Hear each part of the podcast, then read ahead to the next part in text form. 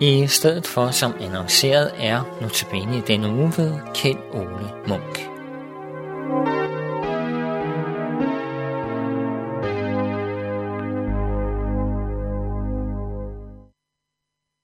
Så siger vi velkommen til denne uges øh, Notabene-portræt her på Københavns Nær Radio. I teknikken sidder Jan Nørgaard, og her i studiet sidder Kjell Ole Munk, der skal holde den næste uges Notabene-udsendelser. Velkommen til dig, Kjell Ole. Tak skal du have. Og mit navn er Viggo Vive. Kjell Ole, kan du ikke øh, lige bare sådan meget kort sige et par ord om dig selv? Hvem er du? Jamen, jeg er Kjell Ole, Ja.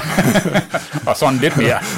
og øh, jeg er 59 år, og til dagligt så slår jeg mine folder i Greve, hvor jeg er sovnepræst.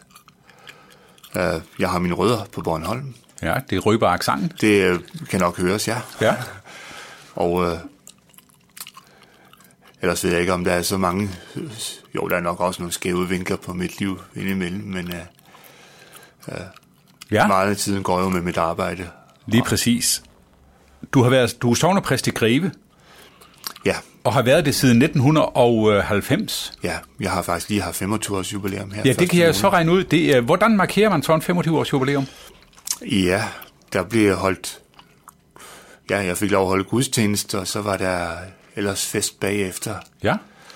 Med, ja, det var helt overvældende. Med, det væltede ind med mennesker, og Ja. der var blev holdt tale og lavet sange, og jeg ved ikke hvad. Så det var... Det havde jeg slet ikke ventet. Nej, så det var en glædelig Det overraskelse. var en... Jeg vidste godt, der blev lavet lidt jo, men uh, slet ikke, så at meget. det blev så meget. Nej. Det var... Ja, det gjorde mig helt blød i knæene. Det sker ja. ellers ikke så ofte. Nej, det er godt, det kan ske. ja, og dejligt også. Ja. Kjell øh, Ole, jeg kunne godt øh, bare lige tænke mig at spørge, øh, når du nu er præst i Greve, så er det sandsynligvis, fordi du på et tidspunkt har læst teologi. Ja, det har jeg også. Uh, Hvad fik dig til at læse teologi? ja, det er egentlig et godt spørgsmål, fordi uh, jeg startede egentlig ikke på teologi, og ville egentlig heller ikke have læst teologi. Men Nå.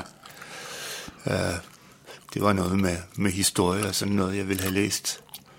Ja. Uh, men uh, så havde jeg jo nogle gode venner, der var begyndt på teologi, og, og det, det kristne budskab betød jo også noget for mig, og jeg kunne egentlig kombinere lidt med det med historie også. Der er jo noget, der hedder kirkehistorie. Ja. Og ja, så skiftede jeg over til teologi. Ja. Og det har jeg faktisk ikke fortrudt. Nej. Så det er, kommet, det er ikke som kommet, hvor jeg bare pludselig vidste, at det skulle det være. Men uh, når jeg først var i gang med det, så var jeg ret sikker på, at det var den vej, jeg skulle gå. Ja, lige præcis. Lige præcis. Øh, du skal jo holde noget på benudsendelse her den kommende uge. Ja, Har du noget sådan noget overordnet tema på den? Øh, ja jeg har valgt at tage udgangspunkt i forskellige af de historier eller lignelser, som, som Jesus fortæller. Ja.